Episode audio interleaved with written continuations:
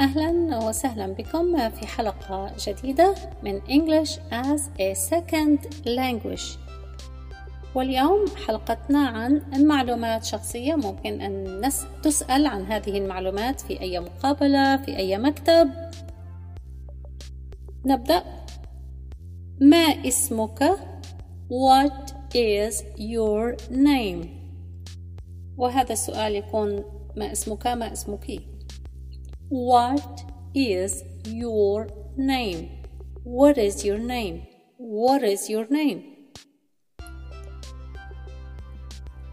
ما الاسم الأول What is your first name What is your first name What is your first name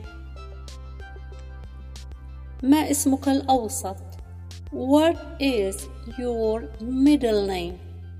What is your middle name? What is your middle name? لاحظوا في المجتمع الغربي الأولاد يأخذون اسم أول واسم أوسط. ونحن في الوطن العربي معظمنا حين يجيب عن الاسم الأوسط يجيب اسم الأب.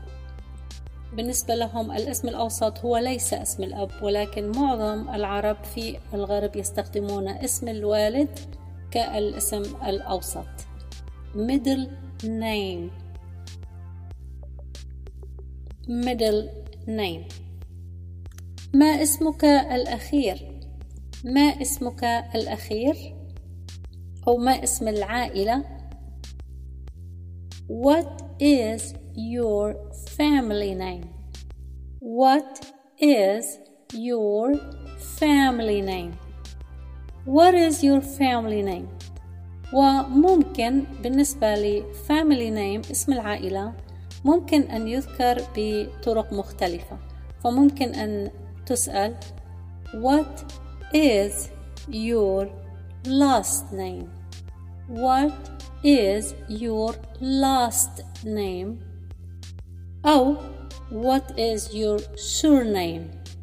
Surname Surname Last name Family name كلها تدل على اسم الكنية ما رقم هاتفك What is your phone number What is your phone number وهنا ممكن أن يسألوك We want your home number نريد رقم البيت home number home number أو رقم الجوال cell phone number cell phone number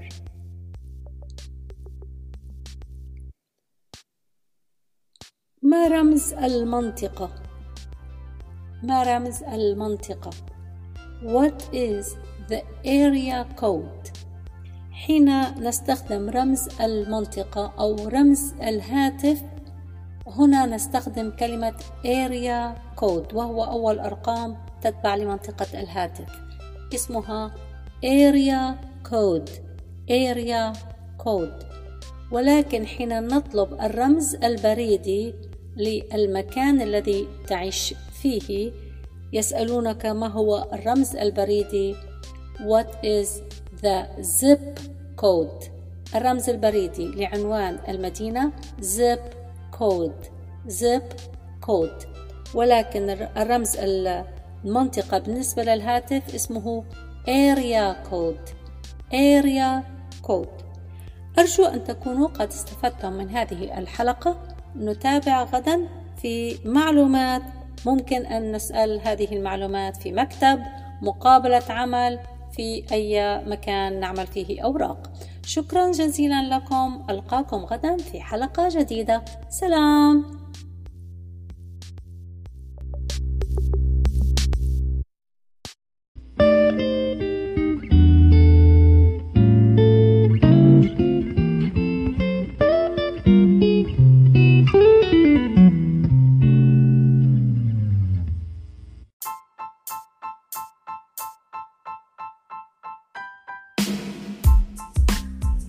I hope you share these episodes with friends. أتمنى أن تشاركوا هذه الحلقات مع الأصدقاء. شكرا. Thank you.